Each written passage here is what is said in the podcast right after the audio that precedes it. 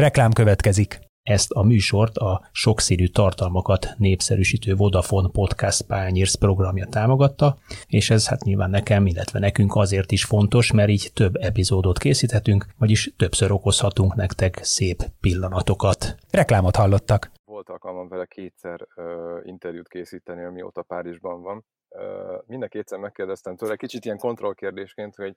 mit könnyebb elérni Mbappé, vagy mit könnyebb kérni egy Kilian Mbappé-tól, hogy 10 méterre sprintben előrefelé védekezzen, vagy 40 métert hátrafelé kocogjon.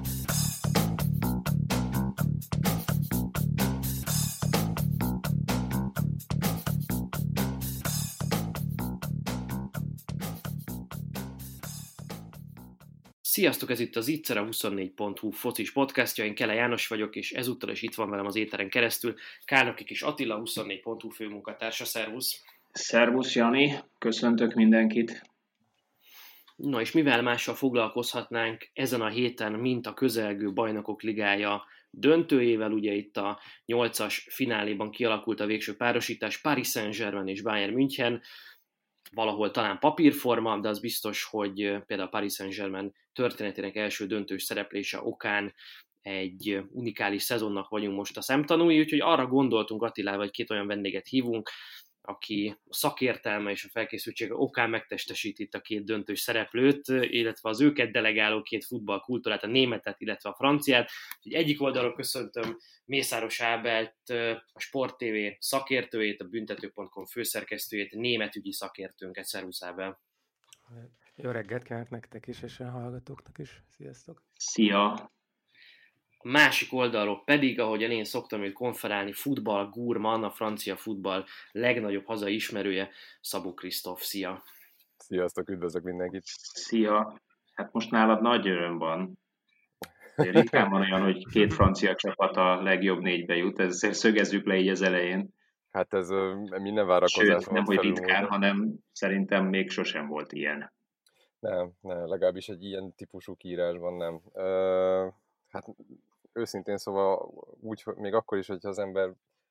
uh, minden, minden tehát ezzel a témával kell és fekszik, még akkor sem gondolom azt, hogy, hogy a legmerészebb álmaibb is meg ezt jósolta volna a szezon végén. Nyilván a rendkívüli körülmények között sem, de minden esetre azért kellemes volt látni azt, hogy most éppen a, a történelemnek van egy olyan alternatív idősíkja, ahol egy PSG-Lyon döntő is összejöhet. Nagyon érdekes, amik kialakultak, ugye az Európa Liga döntőjét is megemlítve egy pillanatra, ott ugye Sevilla Inter összecsapást rendeznek majd, tehát van egy nemzetközi kupa döntőnk olasz, illetve spanyol párosításban, és van egy nemzetközi kupa döntőnk francia-német párosításban, tehát az angol az egyetlen topliga, amely idén nem delegál nemzetközi kupa döntős együttes, miközben azt szokták általában mondani, hogy a francia az, amelyik ebből az ötös fogadból kilóg lefelé, Na most ehhez képest nagyon nem így nézett ki az idei szezon, legalábbis a végjáték semmiféleképpen. Krisztof, szerinted mondhatjuk azt, hogy a francia futball hát a, és maga a bajnokság, a klubfutball és a felemelkedés útjára lépett, mert azért nagyon érdekes, hogy itt a francia back BL győzteseket számoljuk össze, vagy back BL döntős részvételeket számoljuk össze, azért ők nagyon-nagyon kilógnak a sorból. Hogyan látod, hogy ez most egy véletlen szezon inkább, vagy tényleg van-e mögött valamiféle trendvonal? hogyha az együttes szereplés, szerintem nem is nagyon lehet a, a francia labdarúgást úgy értelmezni, az, az eredményességét értelmezni, úgy, hogyha a két csapatot együtt vesszük, tehát a Paris Saint-Germain és a Lyon-t, hanem, hanem külön-külön érdemes venni őket, mert ha, ha globálisan nézem a francia csapatoknak az eddigi szereplését az európai porondon, pont az van, amit, amit említettél, kimondottan pocsék a bizonyítvány az elmúlt öt évet tekintve. Az UEFA koeficiens alapján az a tendencia rajzolódott ki eddig, hogy inkább lefelé menő ágban vannak, és voltak bizony olyan évek, amikor a holland, a holland labdarúgás, vagy a holland bajnokság, de még a skót is megelőzte őket az UEFA pontszámokban. Tehát volt, voltak olyan tavaly, vagy ez, az előző években voltak olyan kampányok, amikor kimondottan úgy tűnt, hogy a francia labdarúgás ez kezd leesni így a térképről. Ehhez képest most, most nehezen lehet arról beszélni, hogy ez egy trendforduló lenne. Én azt érzem, hogy a Paris Saint-Germainnél megvan egyfajta tendencia, a Lyonnál viszont ez inkább egy anomália, és nem feltétlenül egy, egy következmény. Úgyhogy ha, ha, ha külön-külön veszük ezeket a projekteket, azért látszott az, hogy a, a, ahogyan a katari hatalomátvétel megtörtént Párizsban már 9 évvel ezelőtt, és ahol már akkor deklaráltan az volt a cél, hogy Európa porondjára felvinni a, a, a párizsi klubot, e, igazából erre tettek fel minden erőforrást, és azért a Párizsnak az előző években, ha nem is a látványos bukásokra gondolunk, a híres Remontadára, vagy a tavalyi Manchester United elleni uh, visszavágóra, azért voltak olyan szakaszok, amikor elérték a negyed döntőket, még Zlatan Ibrahimovic idején, még akkor Laurent Blanc volt az ed- a vezetőedző. Voltak olyan helyzetek, amikor úgy tűnt, hogy tényleg az utolsó pillanaton múlt az, vagy legalábbis kevésen múlt az, hogy nem elődöntős már most ez a csapat. Aztán utána rátérhetünk majd pontosabban a, a PSG szezonjára, most tényleg csak tágabb vonalakban próbálom ezt értelmezni. A Lyonnál pedig volt egyfajta ilyen arzenál szindróma az elmúlt években. Ők a, a 2010-es évek elején stadiont húztak fel önerőből, nem volt külföldi befektető, vagy nem volt egy külföldi kéz, aki belenyúlt volna. Viszont ezt ugye megszenvedte a csapat is, megszenvedte a keret is, le kellett egy kicsit szívni a, a zsírt az oldalakról, és ennek lett az a következménye, hogy jobban támaszkodtak az akadémiára, viszont a Lyonnak az infrastruktúrája kimondottan jól áll ilyen szempontból, és ki tudtak termelni két-három évente ilyen ciklusokra egy, egy Toliszót, egy, egy Fekírt, és most éppen beérőben van Uszem Aouar vagy Maxence Kakré, akiket aztán akiket aztán kiegészítette különböző viszonylag jól vásárolt játékosokkal. A Lyonnál az az érdekes, hogy a, a szezon elején végeztek egy nagyobb ilyen intézményi átalakítást, ahol végre beemeltek egy sportszakmai igazgatót, Juninho személyében, ugye volt játékos, és eddig ez nem volt jellemző erre a klub felépítésre, mert ott az elnök egy kimondottan, egy Jean-Michel lesz ugye egy kimondottan ilyen megalomán, a kezét mindenre rátevő irányítási stílust képvisel, tehát ez, ezért érdekes a Lyon szereplése ilyen szempontból, hogy egy kicsit, mint hogyha rendezettebbek lennének a sorok, annak ellenére, hogy az eredményekben a bajnokságban azért voltak olyan jelek, vagy nem voltak olyan jelek, amik előrevetítették volna az, hogy idén ilyen szereplés lesz. No, és hogyha tendenciákat említettünk, vagy trendvonalakat említettünk az előbb, akkor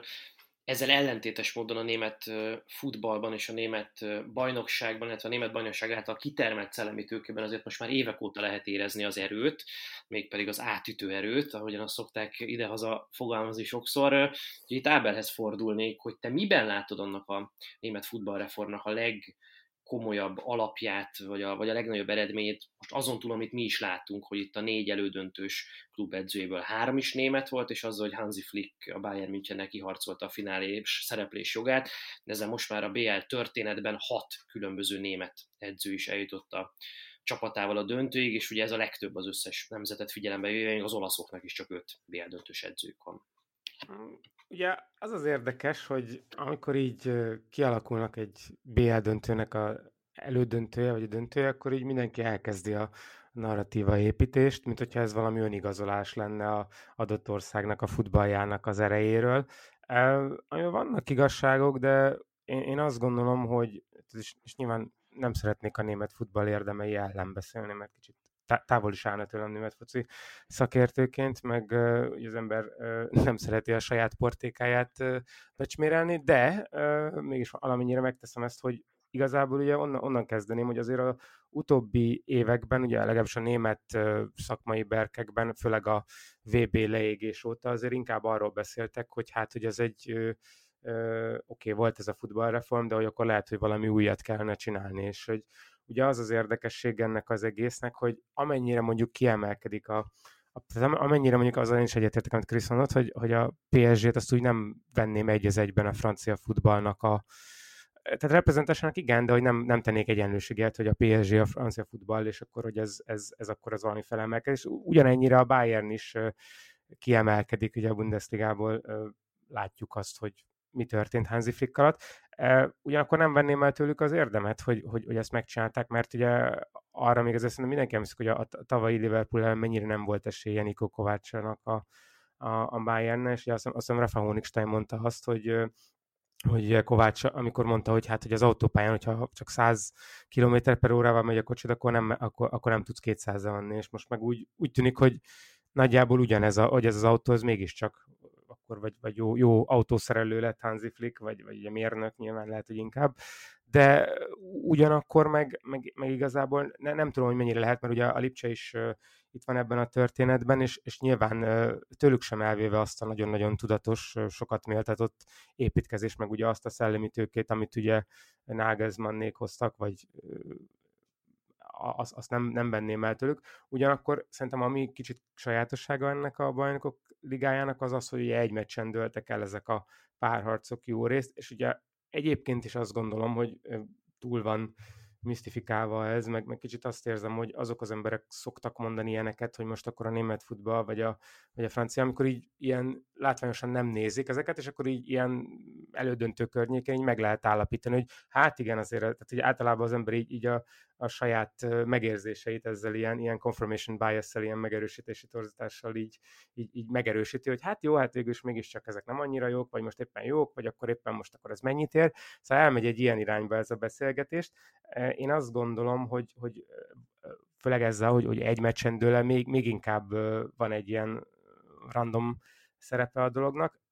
de ez nem von le a csapatnak az érdemeikből, mert ugye, hogyha megnézzük, amit te is mondtál, hogy az angol futballnak a, a vezető szerepe, nem gondolom, hogy ö, csökkent van, én azt gondolom, hogy akár a Liverpool vagy a Manchester City inkább szerencsétlen volt ezekbe, ezeken a meccseken. A, azt, a spanyolról szerintem sokkal ö, kevésbé pozitív a véleményem, meg arról szerintem elég sok helyen beszéltek az emberek, hogy ott, ott, ott nagyobb probléma van, és így nyilván ezt az űrt valamennyire be kell tölteni, és ez nem, nem úgy tűnt egyelőre, hogy az olasz foci lenne, és akkor így kvázi így, így, így jön képbe szerintem a, a, a Bayern, a PSG, meg valamennyire ugye a, a, a Lipcse is. Én, én kicsit úgy érzem egyébként inkább, hogy, hogy belekapaszkodva, amit mondtál ebben, hogy, hogy a, a spanyol és az olasz futball, és a spanyol és az olasz gazdaság ugye sokkal inkább kitett a koronavírus válságnak, és sokkal inkább nagyobb problémát okoz a pénzügyi kiesés, mint egy sokkal tisztább üzletmenetet és mondjuk úgy prudensebb gazdálkodást folytató német vagy francia labdarúgásnál. Ugye a németek is, meg a franciák is kevésbé vásárolnak, mint inkább nevelnek, sőt a franciák kifejezetten eladnak, ugye a Lyon, ha jól emlékszem, pozitív, az egyetlen pozitív szaldós klub volt a, a, a negyed döntőben etéren, és, és hogyha és az egészet oda szeretném visszavezetni, hogy, hogy miért lehet ez, hogy mondjuk a spanyolok valóban kicsit háttérbe szorultak az utóbbi időben, még a két gigász is, az a két nagy klub is, az az, hogy, hogyha nem tiszta minden, akkor a öltözőben sem tiszták a fejek, és ez, ezen a szinten már pillanatok alatt dönt el mérkőzéseket. Én kicsikét ezt láttam a, a Barcelonán, és tehát mondjuk így játszani Barcelonát nem láttam, nem tudom mióta, ugye ez egyel ezelőtti negyed döntős mérkőzés, hogy, hogy konkrétan feladjanak szinte egy mérkőzést. No mindegy, de csatoljunk vissza azért. E, egyébként ez egy érdekes, egyébként ez egy érdekes gondolat szerintem, amit most felvetettél, mert ha azt nézzük, hogy most oké, okay, látjuk azt, hogy kik most a döntősök, de ha ezt az idei mezőnyt nézzük, azok a történelmi klubok, akikre általában számítani lehetett az elmúlt mondjuk másfél évtizedben, azért elég látványosan háttérbe szorultak. Most ugyanúgy, ahogy a Barszát említetted, lehet mondani a Juventus-t is, amely nem feltét, tehát nem nagyon látszott olyan pillanat, vagy olyan mozzanat, ami alapján azt lehetett volna gondolni, hogy a Lyon ellen már ténylegesen a pályán tovább tudnak menni. Nyilván a nevek azok mindig torzítanak, és mindig benne van az, hogy papíron azért ez mégiscsak a Juventus, meg mégiscsak vannak olyan egyéniségek és játékosok, akik önmagukban is esetleg meg tudják fordítani egy, meccsnek a szérirányát, de, de ugye a Juventusnál is egy olyan politika nyomódott rá, vagy annak lett az egy ilyen rákfenéje, hogy mindent feltette Cristiano Ronaldóra, de közben ezt a keretet nem építették ki körülötte, ami igazán működőképesé tenné ezt a, ezt a, ami igazán gépezetet csinálna belőlük. Tehát, hogy vannak ilyen pontszerű események, vagy pontszerű ilyen szigetek az európai térképen, ami miatt most azért úgy néz ki ez az európai mezőny, hogy azt mondjuk, hogy, hogy hát azért igen, hogyha kiesik egy nagy, akkor abban a vákumban akár be tud tolódni egy éppen a pillanatnyi formájának megfelelő kis csapat is akár. Nagyon érdekes, amit Ábel is említette erről az egymeccses lebonyolításról, meg úgy általánosságban, de szerintem ez a bajnokok ligájára és a futballra majd, hogy nem ettől függetlenül is jellemző, azért, hogyha mondjuk az amerikai major sportokkal vetjük össze, ahol nem tudom, több meccses párharcok vannak, meg idingek vannak, meg, meg nem tudom, tehát ezt lehetne sokáig sorolni, tehát valahogy ez a, az európai futballban a, a top-top ligának, meg a kupasorozatnak, tehát itt a BL-t értem lebonyolítása, az mindig szerintem sokkal inkább ki van téve véletlen véletlenszerűségnek,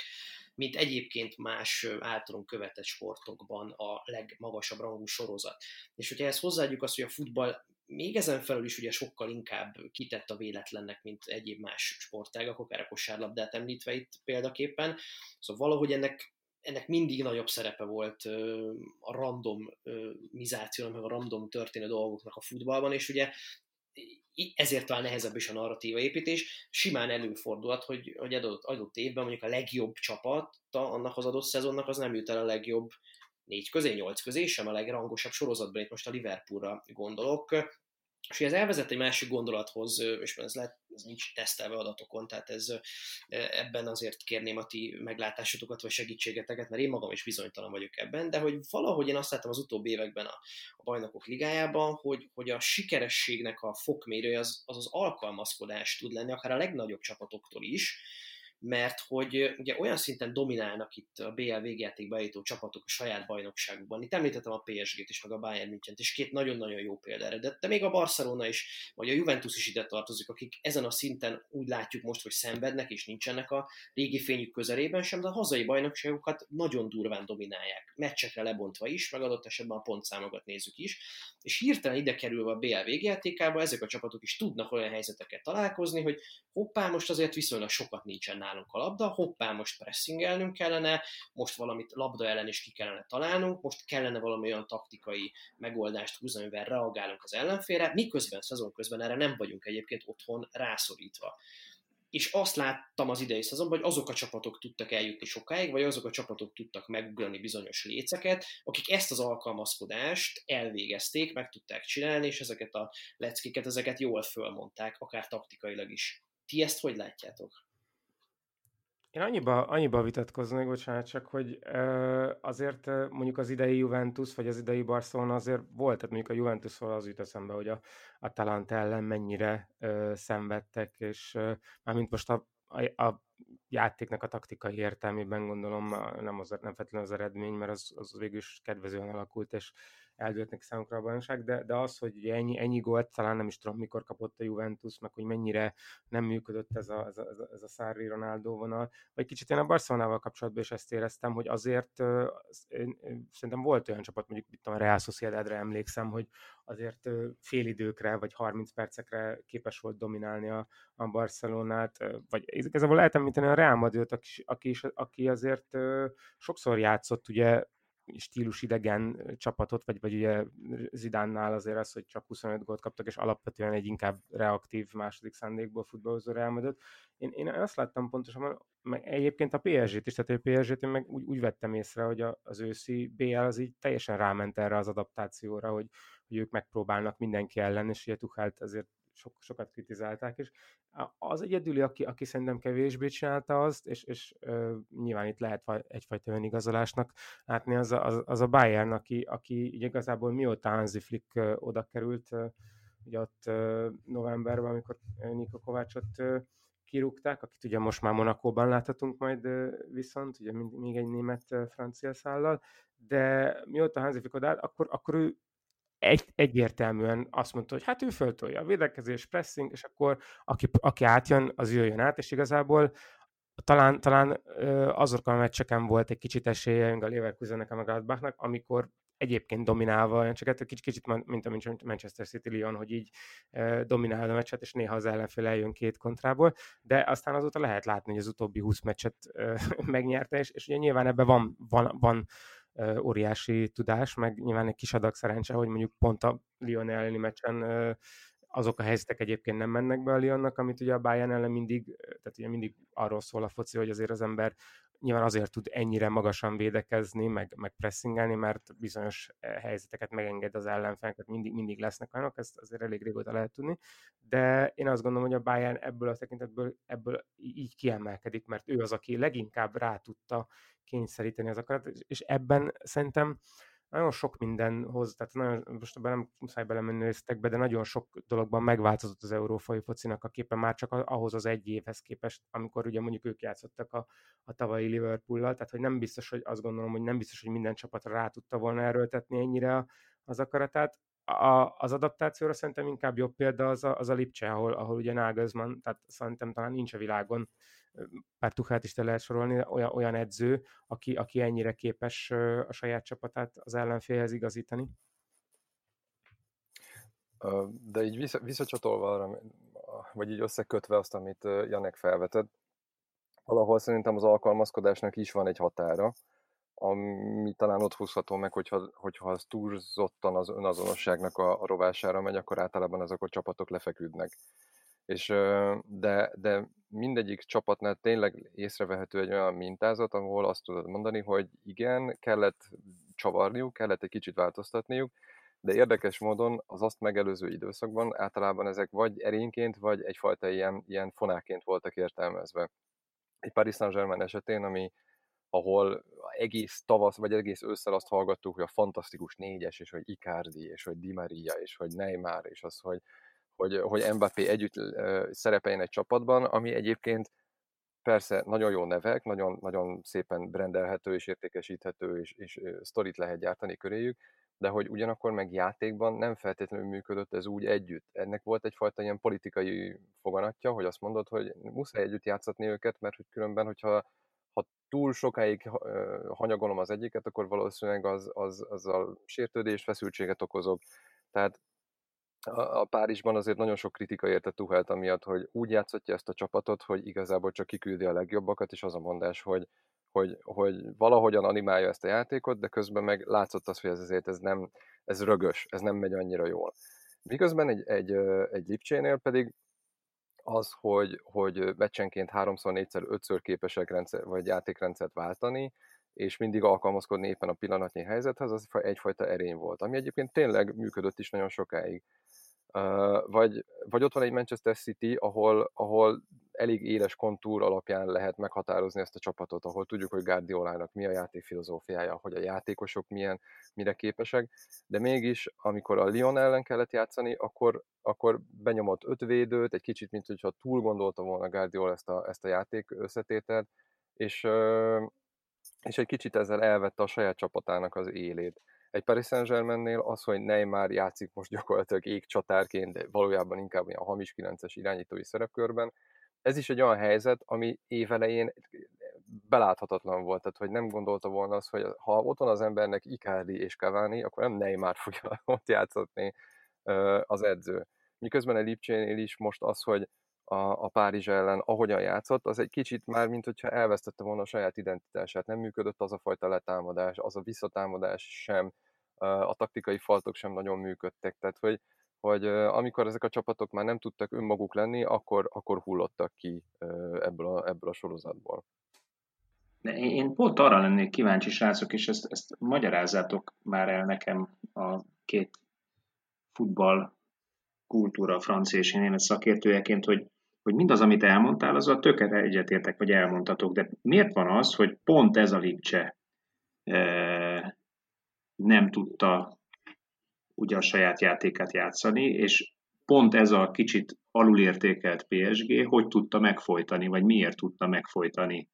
tökéletesen. Olyan tanástalanság érződött a Lipcsén, amit én nem láttam. Én szoktam előszeretettel Lipcse meccseket nézni, főleg Ulácsi Peti miatt, de én még sosem láttam őket ilyen tanástalanok. Tehát ők eddig bárkivel játszottak, játszották a saját játékokat, letámadták őket, felszerezték a labdát, megzavarták a védelmet, beverték. És ugye ez, ez, ez többségében nagyon jól működik a német bajnokságban is, és mint láttuk, ugye idén a nemzetközi porondon is. De ezen a meccsen valami, valami elképesztő tanástalanság volt rajtuk. Mi, mi ennek az oka, vagy mit, mit csinált a, a, a PSG, vagy, vagy Tuhel mit talált ki, hogy, hogy kivonja a szelet a vitorlájukból? Um, nyilván, nyilván Ábel tudja mondani majd a német oldalt. Én, én amennyire láttam, az az volt, hogy, hogy a PSG elsősorban arra fókuszált, hogy a, hogy a Lipcsének a középpályásait, akik általában a háttal a játéknak várják a, a kihozatalokat, nekik nem hagyott túl sok teret, nekik nem hagyott túl sok ö, olyan, olyan mozgásteret, ahol megfordulhattak a labdával és szembe helyezkedhettek a, a, a játékkal szemben, tehát hogy ez volt egyfajta ilyen taktikai döntés. De, de ez csak, tehát hogy ez egy, tehát hogy nem hiszem azt, hogy ez önmagában meghatározta volna ezt. Én amennyire látom, és biztos, hogy lehet, hogy az Ábe vagy megerősít, vagy rácáfol, de hogy, de hogy a Lipcsének addig, tehát az, a Lipcsének a letámadásának van egyfajta ilyen, ilyen motivációs komponense is, hogy, hogy amíg megvan az a fajta hit, hogy, hogy ezt lehet csinálni, hogy ezt hogy lehet menni a meccsben, addig, addig azt az energiát és azt a letámadási intenzitást is bele tudják tenni. Uh, és a Lipcsénél én azt éreztem, hogy amikor volt valahol ott, a, nem tudom, az első fél időben Pulzennek volt egy nagyon egy orrító kihagyott helyzete, akkor hirtelen, hirtelen 5-10 métert hátrált a csapat, mert az lehetett érezni, hogy már nem tudnak úgy futni, már egy kicsit, mint hogyha egy tarkon vágta volna őket ez a fajta zicser kihagyás, ahol azt érezték, hogy lehet, hogy most csúszik ki a meccs a kezükből. Tehát, hogy lehet, hogy szerintem volt egy ilyen dimenzió is annak a meccsnek. Mm, igen, én azt gondolom, hogy elég sok komponense van ennek az egész dolognak. Ugye nyilván a, a legelső, amit ugye Nagelsmann is elmondott, és ez szerintem ez a legbanálisabb uh, magyarázat, hogy uh, ugye Neymar meg uh, Mbappé az kb. kétszer annyit ér, mint, mint ugye a, a Lipcséből ugye a, a, a keret, ami nyilván oké, okay, ez, ez, ezt eddig is tudtuk. Ugye nyilván azt is lehet mondani, hogy elment Timo Werner, aki, akivel azért eléggé akár a pressingben, vagy akár az, hogy mondjuk a, a kitámadó PSG-t hosszú labdákkal megverve segíthetett volna. Ugye azt hiszem van egy ilyen meta játék a Tuchel Nagelsmann között, ugye arról azért elég sok helyeten lehetett olvasni, ugye 10, 2008-ban ugye a 19 éves Nagelsmann neki kezdett el az Augsburg második csapatánál, hogy Tuchelnek kezdett el játékosokat megfigyelni valami kis egyszerű kamerával a barátnéjével, erről azért elég sok történet volt, tehát nyilván arra akarok mondani, hogy azért elég jól ismerik egymást. Um, ugyanakkor szerintem, ami, ami szerintem még szintén egy, egy érdekes változó az, hogy mondjuk a, az, hogy ez a, amit te mondtál, ez a nagy négyesből ugye sikerült Icardit ugye, mi, miután ennyire besült jobb szélsőként ki, kivenni Tuchelnek, és uh, ugye kitalálta ezt, amit egyébként ugye Guardiola is csinált, hogy uh, ugye a legjobb, kreatívabb játékosat Kevin De Bruyne-t ilyen hamis 9-esbe játszatja. Ugye ennek kb. az a lényege, amit ugye Guardiola elmondott a, a Real ellen, hogy nagyon agresszíven pressingelő és kilépő belső védőket ezzel, ezzel tudja átverni, mert ugye akkor megy egy fölpassz, és akkor vagy Neymar megvesz, megver valakit, mint láthattuk az Atalanta ellen. És ilyen szempontból szerintem Tuchelnek ezek voltak a nagyon jó húzása, hogy egyrészt kitalálta, hogy mit csináljon az, az erősen pressingelő csapatok ellen, mint például az Atalanta, tehát ezekkel a, ezekkel a kvázi hamis kilencesekkel, meg, és akkor beindítva Neymart vagy Mbappét. Ami, ami másik dolog volt, ami érdekesség az, hogy szerintem az a szünet, amit, amit mondjuk ugye Neymarék itt eltönt, eltöltöttek, hogy azzal, hogy nekik nem kellett focizni mondjuk március óta csak barátságos meccsen, meg Ligakupa meccsen, ott szerintem nagyon sokat segített nekik, de alapvetően nem feltétlenül a támadásban, hanem a, a, a pressingben, meg a, meg a frissességben, és nekem az volt a legnagyobb tanulsága ennek, amiközben a számokat tudtam, hogy a számokban ugyanannyira erős volt a, a PSG-nek a, a letámadása, mint, a, mint mondjuk a Bayernnél, vagy mint világszinten, csak ugye az ember narratívában, az nem, narratívában nem illik bele az, hogy Neymar, meg Di Maria, meg PSG, meg a PSG, meg Mbappé mennyire jól pressingelnek. Még nyilván mbappé az ember jobban el is hiszi, és igazából szerintem ezt találta ki Tuchel, hogy egyrészt a, a Lipcsének a labdatartását teljesen megöli, ugye amit, amit Krisz is mondott, hogy ugye ott az első hármas, és illetve nem tudják megjátszani se a felmenő Upamecánót, se uh, Campbell-t, illetve szerintem Ander Herrera nagyon-nagyon fontos volt, mert ő gyakorlatilag figyelt a, a belső középpályás Olmóra, illetve még ki is ért néha Áheninyóra. Hátul pedig ugye ott, ott voltak tulajdonképpen még így is ember, emberframe, és igazából ezen a, ezen a hármason nem nagyon ez, ez a középpályás hármas, ez eléggé uralta a meccset. És fordítva, ami még szerintem nagyon-nagyon érdekes volt, az az, hogy Tuchel kitalálta azt, és szerintem itt, itt, itt, itt ütközik ki az, a, az a dolog, amiről az első mondatban mondtam, hogy a két keret közti különbség, hogy egy, egy Leandro Paredes előre lehetett húzni, aki tulajdonképpen elég sok mindenki által egy lesalni játékos volt, és ugye mivel nem volt Verratti, így, így őt hozta ki ebbe a Tony Cross szerepbe, ugye ez a baloldali félterületbe visszalépő mélységi irányító, aki tulajdonképpen ezzel manipulálta a Lipcsét, tehát ugye ott az volt, hogy ha, ha rá kiléptek, akkor Zabicer vagy ilyesmi, akkor és ebből egyébként voltak a Lipcsének lehetőségei az első 5-6 percben, ahogy ők át tudtak jönni, az más kérdés, hogy ezeket Enkunku nem nagyon váltotta be, de hogyha Paredesre kiléptek, akkor ő, ő nagyon-nagyon okosan állandóan, tehát ott rengeteg ilyen elemzés született, talán Michael Cox volt, aki írta az atletikán, hogy van egy ilyen második percben egy ilyen jelenet, amikor így Paredesre nem lép ki senki, és így mutogatja Mbappének, hogy te rossz, rossz helyre indultál be, miután nem tudta neki adni a labdát, és folyamatosan ez volt, hogy Paredes csak azt nézte, hogy hogy tudja úgy elrejteni a, a passzának a, az irányát, hogy mondjuk más irányba néz, és akkor megjátsza ott a zsebben Neymart, vagy, vagy, vagy Mbappét, és igazából szerintem ez az a másik dolog, amiért a Lipcse nem tudott és nem mert letámadni, mert nyilván azért bíznak Upamecánóba, és nagyon-nagyon jó BL tornája volt Upamecánónak, vagy, vagy, vagy a többieknek is, de azért Mbappéval, vagy Neymarral, vagy azzal a Di Mariával, aki nyilván az szintén az egyik ilyen kriminálisan underrated, előértékelt játékos volt, azért nagyon-nagyon kevés csapat mer mit kezdeni. Tehát szerintem valahol ezek lehetnek a válaszok, bocsánat, hogy ilyen hosszan fogalmaztam. Viszont ez elvezet bennünket a, a döntő elé, és közvetlen a döntőhöz, már abban az értelemben is, hogy hogy mit gondoltok arról, hogy itt ki fog alkalmazkodni kihez. Én megkockáztatom, hogy valószínűleg Tuchel fog, azok alapján is, amit ti mondtatok most, meg amiket eddig láttam, tehát valószínűleg Tuchelnek kell itt is valamit alakítgatni a saját csapatán az ellenfélhez mérten, de hogy mi lehet egyrészt ez, a, ez az alakítgatás, másrészt meg milyen kulcs párharcokat, meg kulcs problémákat láttok a döntő előtt, amiken esetleg eldőlt az, hogy itt a Paris Saint-Germain vagy a Bayern München lesz a végén a győztes. Chris? Mm, valószínűleg, tehát egyetértek azzal, hogy inkább Tuchel fog valószínűleg csavarni a csapatán, vagy legalábbis ő fog jobban alkalmazkodni. Főleg, ha abból indulunk ki, hogy a Bayern azért viszonylag konszisztens volt a játék koncepciójában így a torna során tehát valószínűleg ugyanúgy alkalmazni fogja ezt a nagyon magas pressinget, ezt a visszatámadásos történetet is. Mm. És ugyanakkor meg Tuchel szerintem valószínűleg nem fél attól, mert tudja az, hogy,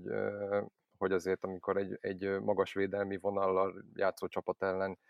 játszanak, akkor azért a felkínált mélységi területeket azért be tudja játszani egy, egy, egy Mbappé vagy, vagy akár egy Neymarral is, aki képes ezekre a befutásokra, de um, a, valószínűleg ezt egyébként a Bayern is tudja, és látták azt, hogy az a két belső védőjük, ugye Boltang és Alaba, az, azok azért sebességben nem biztos, hogy annyira tudják ezt tartani, viszont azért mégiscsak ott van Alfonso Davies, aki,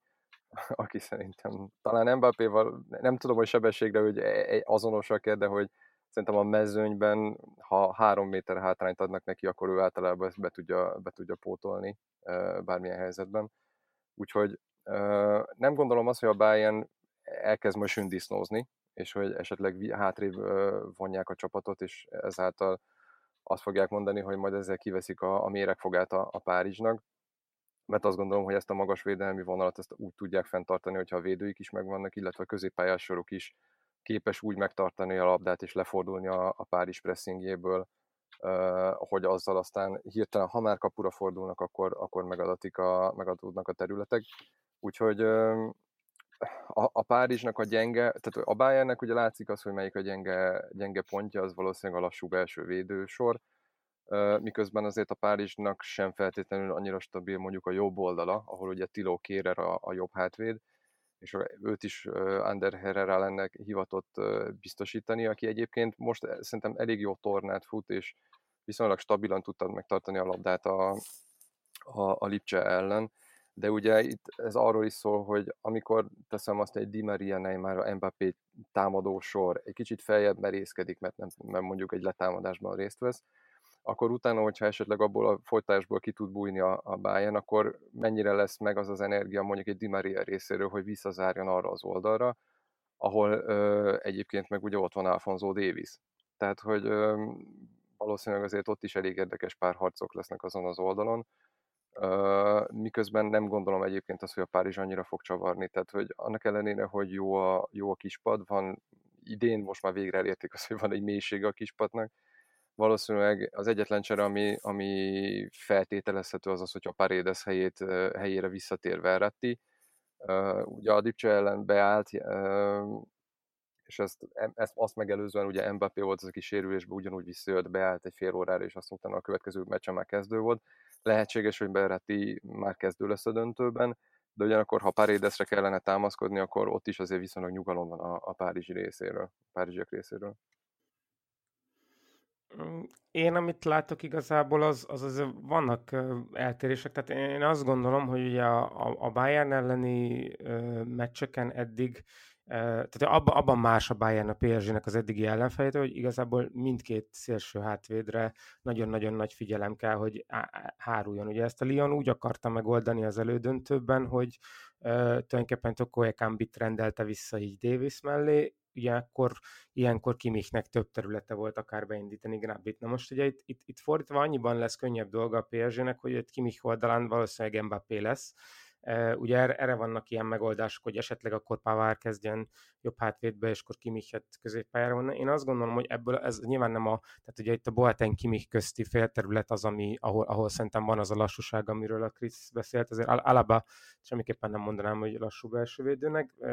de nyilván a, tehát a PSG szerintem azon a bal oldalon fog eleve jobban támadni, ugye itt akár úgy, hogy Neymar is kimegy a bal szélre, és Mbappé jön középre, szerintem ezekből van több olyan játék. Ugye Verettinak a beállításával annyiban javul a PSG, hogy az egy, egy olyan játékos, aki paredes szemben azért rengeteget tud szerelni. Azért Paredesnek vannak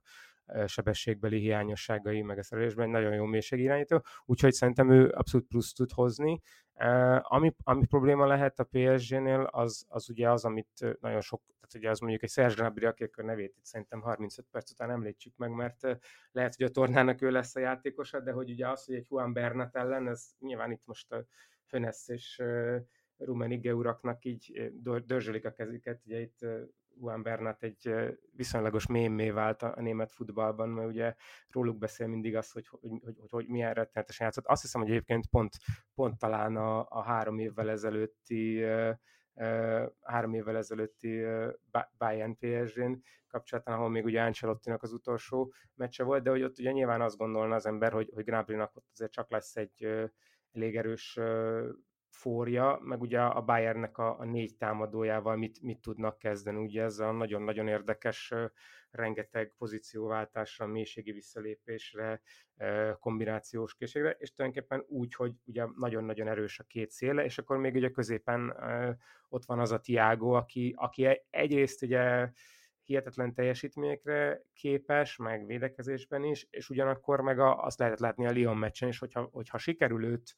mondjuk hibára kényszeríteni, akkor ilyen nagyon-nagyon direkt módon, mint ahogy az Kakeré megtette, beindítani. Na most ebből azért a PSG-nek vannak olyan játékosai, akár Verratti, vagy akár Kimpembe, aki szerintem szintén nagyon-nagyon jól játszik, akik mondjuk egy direkt labdával megjátszák az első hármas valamennyikét, és akkor ott azért az ember valószínűleg nem a Bayernre tennem, még hogyha Alfonso Davis sebessége meg is van, azért neki a védő ösztönei azért nagyon sokszor nem, nem, a, nem a legjobb, nyilván egyrészt 19 éves, másrészt nem védőnek tanult. Um, úgyhogy szerintem valami ilyesmi lehet ebben a, ebben a, ebben a nehézség. Tehát az, hogy ugye szerintem az a része, hogy a, a Bayern kihozza a labdát a, a PSG-nek a letámadásán, az még szerintem elég jól működhet is, mert akár Tiágónak a visszavonásával, akár Kimichet be lehet vinni középre, ezt, ezt szerintem egyébként a Lyon ellen is csinálták, és ott úgy meg tudják csinálni az emberfölényeket.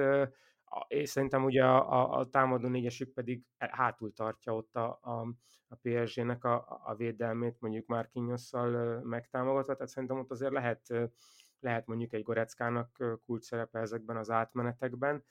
Én fordítva gondolom érdekesnek azt, hogy, hogy, hogy, hogy, a, hogy, a, hogy a PSG ki tud-e jönni, és ugye igazából, tehát igazából a Lipcsének a, a stratégiája, ami amennyire passzív volt, annyira logikus volt, de szerintem a, a Bayern szerintem meg tudja azt csinálni, hogy egyrészt agresszívebben alkalmazva ezt a letámadást, amit a Lipcsénél nem annyira, vagy csak időközönként működött, és, és ott jobban kilépegetni, és, és feltolni ezt a védekezést, és ugye azért uh, Kérer, amit te is mondtál, azért nem egyrészt ugye sálke játékos, meg, meg ugye egyébként nem arról híres, hogy a labdával nagyon-nagyon erős lenne. Azért lehetett látni, hogy a, a, a Lipcse is az pressz, arra, arra ugrottak pressing csapdaként, hogy amikor Bernát felé ment a labda, az is, az is, az is nagyon-nagyon jól kimutatkozott, tehát ez, ezekben szerintem a, a Bayernnek előnye lehet. Én, a, én azt gondolom, hogy egy picivel talán ők esélyesebbek, de szerintem azért érdekes a, lesz ez a, ez a BL döntő, mert nagyon-nagyon, tehát mind a két csapat sebezhető, és, és messze van a, tehát ez nem igaz, hogy messze van a tökéletes, de, de nyilván nem, nem annyira tökéletes, mint mondjuk a, az elmúlt évek csapatai, de ezzel nem szeretnék elvenni semmit az érdemeiktől. Kérdezhetek egyet, csak így ilyen, ilyen dilemmaként, szerinted, Ábel szerinted Boateng kezdeni fog? Hát ugye itt igazából azt magyarázták, hogy ő inkább sérülés miatt jött, jött le, a, és azért kell Zülének beállni, de én azt gondolom egyébként, hogy, hogy, hogy van rá esély, mert ugye Boatengnek sokkal erősebb a passzjátéka, tehát ebbe az építkezésben. Ugye azért az, hogy a sebessége az már annyira nincs meg, bár, bár azért a, ugye a Lionel is azért neki volt a kulcsmentése jött az elején, és egy összességében flick alatt szinte újjászületett. Ugye ez a másik erénye Hansi Flicknek, amiről nem beszéltünk, hogy egy remekül motiváló, hihetetlen emberi képességekkel menedzseli a játékosokat, és, és egy nagyon, tehát nagyon-nagyon szeretik, ugye itt, itt jobb hánykes szokták felhozni, hogy ugye az, az a fajta edző Hansi Flick, aki úgy kvázi Guardiolának, meg ugye a jogi segítőjeként egy rendkívül taktikai érzékenységgel megáldott ember, és egyébként emberileg is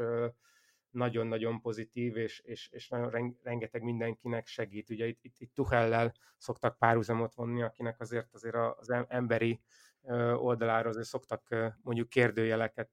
rakni, bár, bár ugye most ezen a héten inkább ezek a történetek mentek, hogy, hogy azért Christian Heidel, vagy, vagy mások is, hogy azért így próbálták ezt árnyalni, hogy hát azért jó, még, még, mégsem utálják mindenhol Tuchelt, ahonnan elment, lásd Dortmund vagy, vagy Mainz, de azért voltak vele szemben kétségek. Én annyit, annyit jegyeznék még meg így a, a döntő kapcsán, csak úgy kicsit magyar vonatkozásban, hogy arról ne feledkezünk el, hogy Löv, Löv Zsolt az a, az a másodegyző, aki ugye egyes információk szerint talán kicsit több is, mint másodegyző, vagy, vagy, vagy nem a klasszikus másodegyzői szerepeket tölti csak be. Ugye a hetedik olyan magyar edző, aki Beck vagy Bajnokok Ligája döntőben ülhet kispadon, igaz, csak másodegyzőként, ezt hangsúlyozom még egyszer, nem, nem Igen. vezető egyzőként. Ez azért érdekes, mert a mai nap volt egy kikerinterjú azzal a Christian Heidellel, aki ugye Tuchelnek megadta a lehetőséget, ugye még 2009-ben U19-es Mainzi edzőként, és tulajdonképpen ugye oda lehet felhúzni ezt az egészet, hogy Tuchel az az edző, aki miatt a fiatal német edzők, vagy ez a, ez a fajta ugye Rangnickhoz kapcsolódó, de alapvetően Tuchel az egyik zászlóvője ennek, hogy a fiatal U19-es edzőket ki lehet próbálni a Bundesligában, sokkal inkább, mint Klopp, aki, aki ugye ebből kapcsolatban azért mégiscsak egy, egy, egy, egy játékosból lett. Ugye itt az érdekes, hogy Tuchel és, és, és Löw kapcsolata már ott ugye Mainzban elkezdődött, mert ugye akkor még, még, még játékosa is volt itt, ugye azt nézegettem az adás előtt a 2009-es szezonban, hogy például ugye ott, ott Löw volt a Bahát, és ugye Szalai Ádám volt az egyik csatár is a Tuchel csapatban, és, és azt, azt mondta Heidel, aki nyilván hát ő volt a csapatmenedzser, és nála jobban nem tudja senki, hogy, hogy már akkor már akkor akarta, hogy a, a, a Mainzba ő legyen a, az egyik ilyen, és ez a, a co-trénernek szokták ugye ezeket mondani, amit ugye mondtál, ez a, ez a másodedző dolog, ez, ez így van, de azért a modern másodedző, az igen, azt hiszem most már magyarul is inkább ilyen asszisztens edzőnek mondják, és az, az, az ugye szintén Tucheléknek a, a vívmánya, hogy ezek az edzők, ugye amit te is mondasz, hogy sokkal több mindenért felelősök, tehát adott esetben, eh, nyilván a PSG-nél nem látok annyira bele, de adott esetben ugye a Gladbachnál tudom, hogy ott mondjuk az a René Maric, aki szintén ugye kötődik ehhez az egész uh, új, új, és ugye pont, pont Tuchellel uh, kapcsolatban került képbe, hogy ugye ő volt az, aki Tuchelléknek segített igazából elemezni. Tehát, hogy ezek a, ezek a kódtrénerek most már ugye akár mondjuk a teljes támadó játékért ők felelnek, vagy a teljes véd, védőjátékért, ezt egyébként ugye másoknál is lehet látni, tehát, sokkal nagyobb szerepük van, és ez nyilván óriási dolog, hogy Lőv Zsoltról mindenki elképesztő pozitívum, pozitívan és, és hihetetlen szakmaiságot képvisel, tehát minden, ezt mindenki elismeri, és, és ugye most a nyáron pedig az volt, hogy a Hoffenheimnek a, a vezetőedzőjei posztjával hozták be, amit végül is aztán, hogyha már így a Bayernre visszakanyarodva, ugye az a Sebastian Hönes, aki ugye Uli Hönesnek a, az unakölcsek kapott meg, úgyhogy, úgyhogy tovább lehet vinni ezt a német-magyar-francia vonalat így is. Löv Zsoltról egy ilyen nagyon, nagyon rövid sztori. Volt alkalmam vele kétszer interjút készíteni, amióta Párizsban van. Minden kétszer megkérdeztem tőle, kicsit ilyen kontrollkérdésként, hogy mit könnyebb elérni, vagy mit könnyebb kérni egy Kilian Mbappé-tól, hogy 10 méterre sprintben előrefelé védekezzen, vagy 40 métert hátrafelé kocogjon. És először azt válaszolta, hogy Hát ők szeretnék elsajátítani velük azt, hogy, hogy előrefelé, de azért látszik az, hogy még egyelőre a francia bajnokság inkább arra kondicionált őket, hogy, hogy inkább visszazárjon. És a másodikra pedig azt mondta, hogy kicsit fintorgott, és azt mondta, hogy haladunk, haladunk. Úgyhogy, úgyhogy azért ez a kultúraváltás, vagy legalábbis ez a koncepció beli ami szerintem nagyon, nagyon sok kerülő úton megy végbe Párizsban, és valószínűleg még, még messze van az út vége, az azért, az azért így alakul ilyen szempontból. Igen, csak a Lőv Zsolt téma az én is egy dolog amiről itt most beszéltünk, és, és amit Ábel is említett, ez a német foci forradalom, vagy az, az a közeg inkább szerintem az érdekes, ami kitermelt magával egy Thomas Tuchelt, ami kitermelt magával egy Julian Nagelsmann, ami ugye szerintem futószalagon hozza ezeket a gondolkodó edzőket, és, és ugye ez kvázi egy hálózatként tud működni Németországban. Szerintem az nagyon örömteli, hogy a, hogy a Németországban futballozó egykori magyar játékosok közül is tudnak ennek részesei lenni többen, és hogy Lőv Zsolt szerintem nagyon jó példa, hogy hogyan lehet ezt a szamárlétát megjárni, és amiért én azt gondolom, hogy nagyon jó helyen van Párizsban most ahhoz, hogy majd később vezetőedzőként is megállja a helyét, az éppen az, amiről meg most Krisz beszélt, hogy abban is tapasztalatot gyűjt meg szerez, hogy hogyan lehet Mbappé szintű csillagokkal, szupersztárokkal együtt dolgozni, hogyan lehet őket rávenni a munkára, és hogy hogyan lehet azokat a man management skilleket is fejleszteni, meg javítani, amikben ugye Hansi Flick annyira kiváló, de hát ami szintén Hansi Flicknek is azért évekbe telt, mondjuk a német válogatott mellett dolgozva, hogy kipróbálja magát ilyen szintű és tudású játékosok mellett. Nekem egy kérdésem van még hozzátok, hogy kire tesztek a döntőt illetően. Hogy kikinek szurkol, azt sejteni vélem, de hogy kikire tenné a tétjeit a meccs előtt én, én csak ilyen disclaimernek azért oda teszem, hogy annak ellenére, hogy a francia foci azért mégiscsak az életem egy szerves részét képezi, nem vagyok egy PSG drukker, még, hogyha, még, még akkor is, hogyha azt mondom, hogy azért jó látni az, hogy, hogy adtak egy ilyen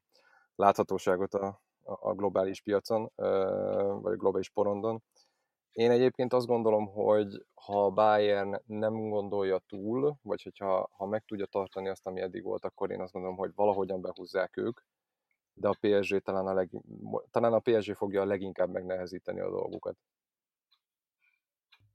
Um, hát uh, én is a legnagyobb tisztelettel utasítanám vissza azt, hogy Bayernnek szurkolna az ember, az, ezt így azért ennyire nem merném felvállalni. Honnan um, tudjátok, hogy nem fordítva gondoltam. Ja, hát, egy, egy, um, igen, egyébként nekem azért van némi Thomas Tuchel szimpátiám, vagy, vagy ugye, sőt, sőt Pontosan. sokkal esebb, bár ezen azért árnyaltak a, a, a távozásának körülményei. Én meg um, a VB óta Benjamin Pavard fan vagyok, úgyhogy ez igen, is igaz. Igen. Um, ugyanakkor én nem, nem tudom, tehát én, én, én azon, azon, én azon gondolkodom, én, én is összességében egy picivel e, esélyesebbnek tartom a, a, a Bayern, de azokban a, tehát azok, azokban a, a dolgokban, amiket mondjuk a Lyon elleni meccsen láthattunk, hogy ott, ott ugye az első 15 percbeni uh, helyzeteket, azt nehezen tudom elképzelni, hogy azokat mondjuk egy Neymar, Mbappé, Di Maria féle csapat, azokat nem váltaná gólokra, és akkor onnan szerintem egy elég, elég, elég másfajta meccs kezdődhet, és ott, és ott nem biztos, hogy az a, az, a, az, az teljesen mű, működhet, mert, mert a, nyilván a péld, amit ugye Krisz is elmondott, hogy Tuchel lesz az, aki valószínűleg inkább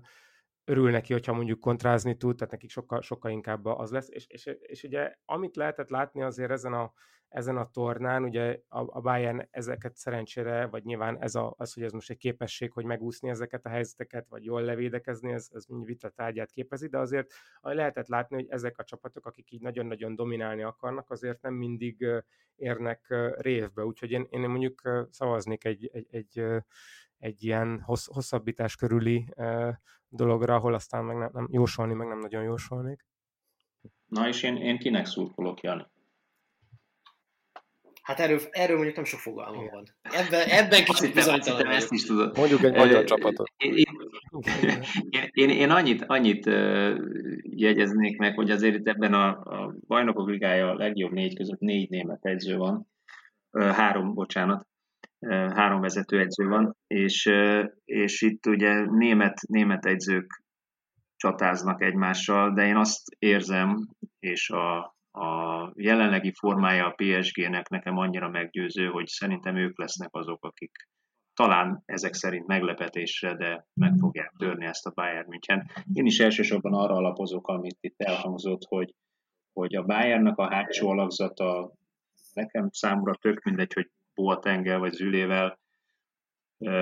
de, de nagyon, nagyon, nagyon lassúnak tűnik, és ez, ez az eddigi meccseiken mindig meg is látszott, hogy olyan minőségű helyzeteket, nem is a mennyiség, olyan minőségű helyzeteket engedélyeztek az ellenfeleknek, amit valóban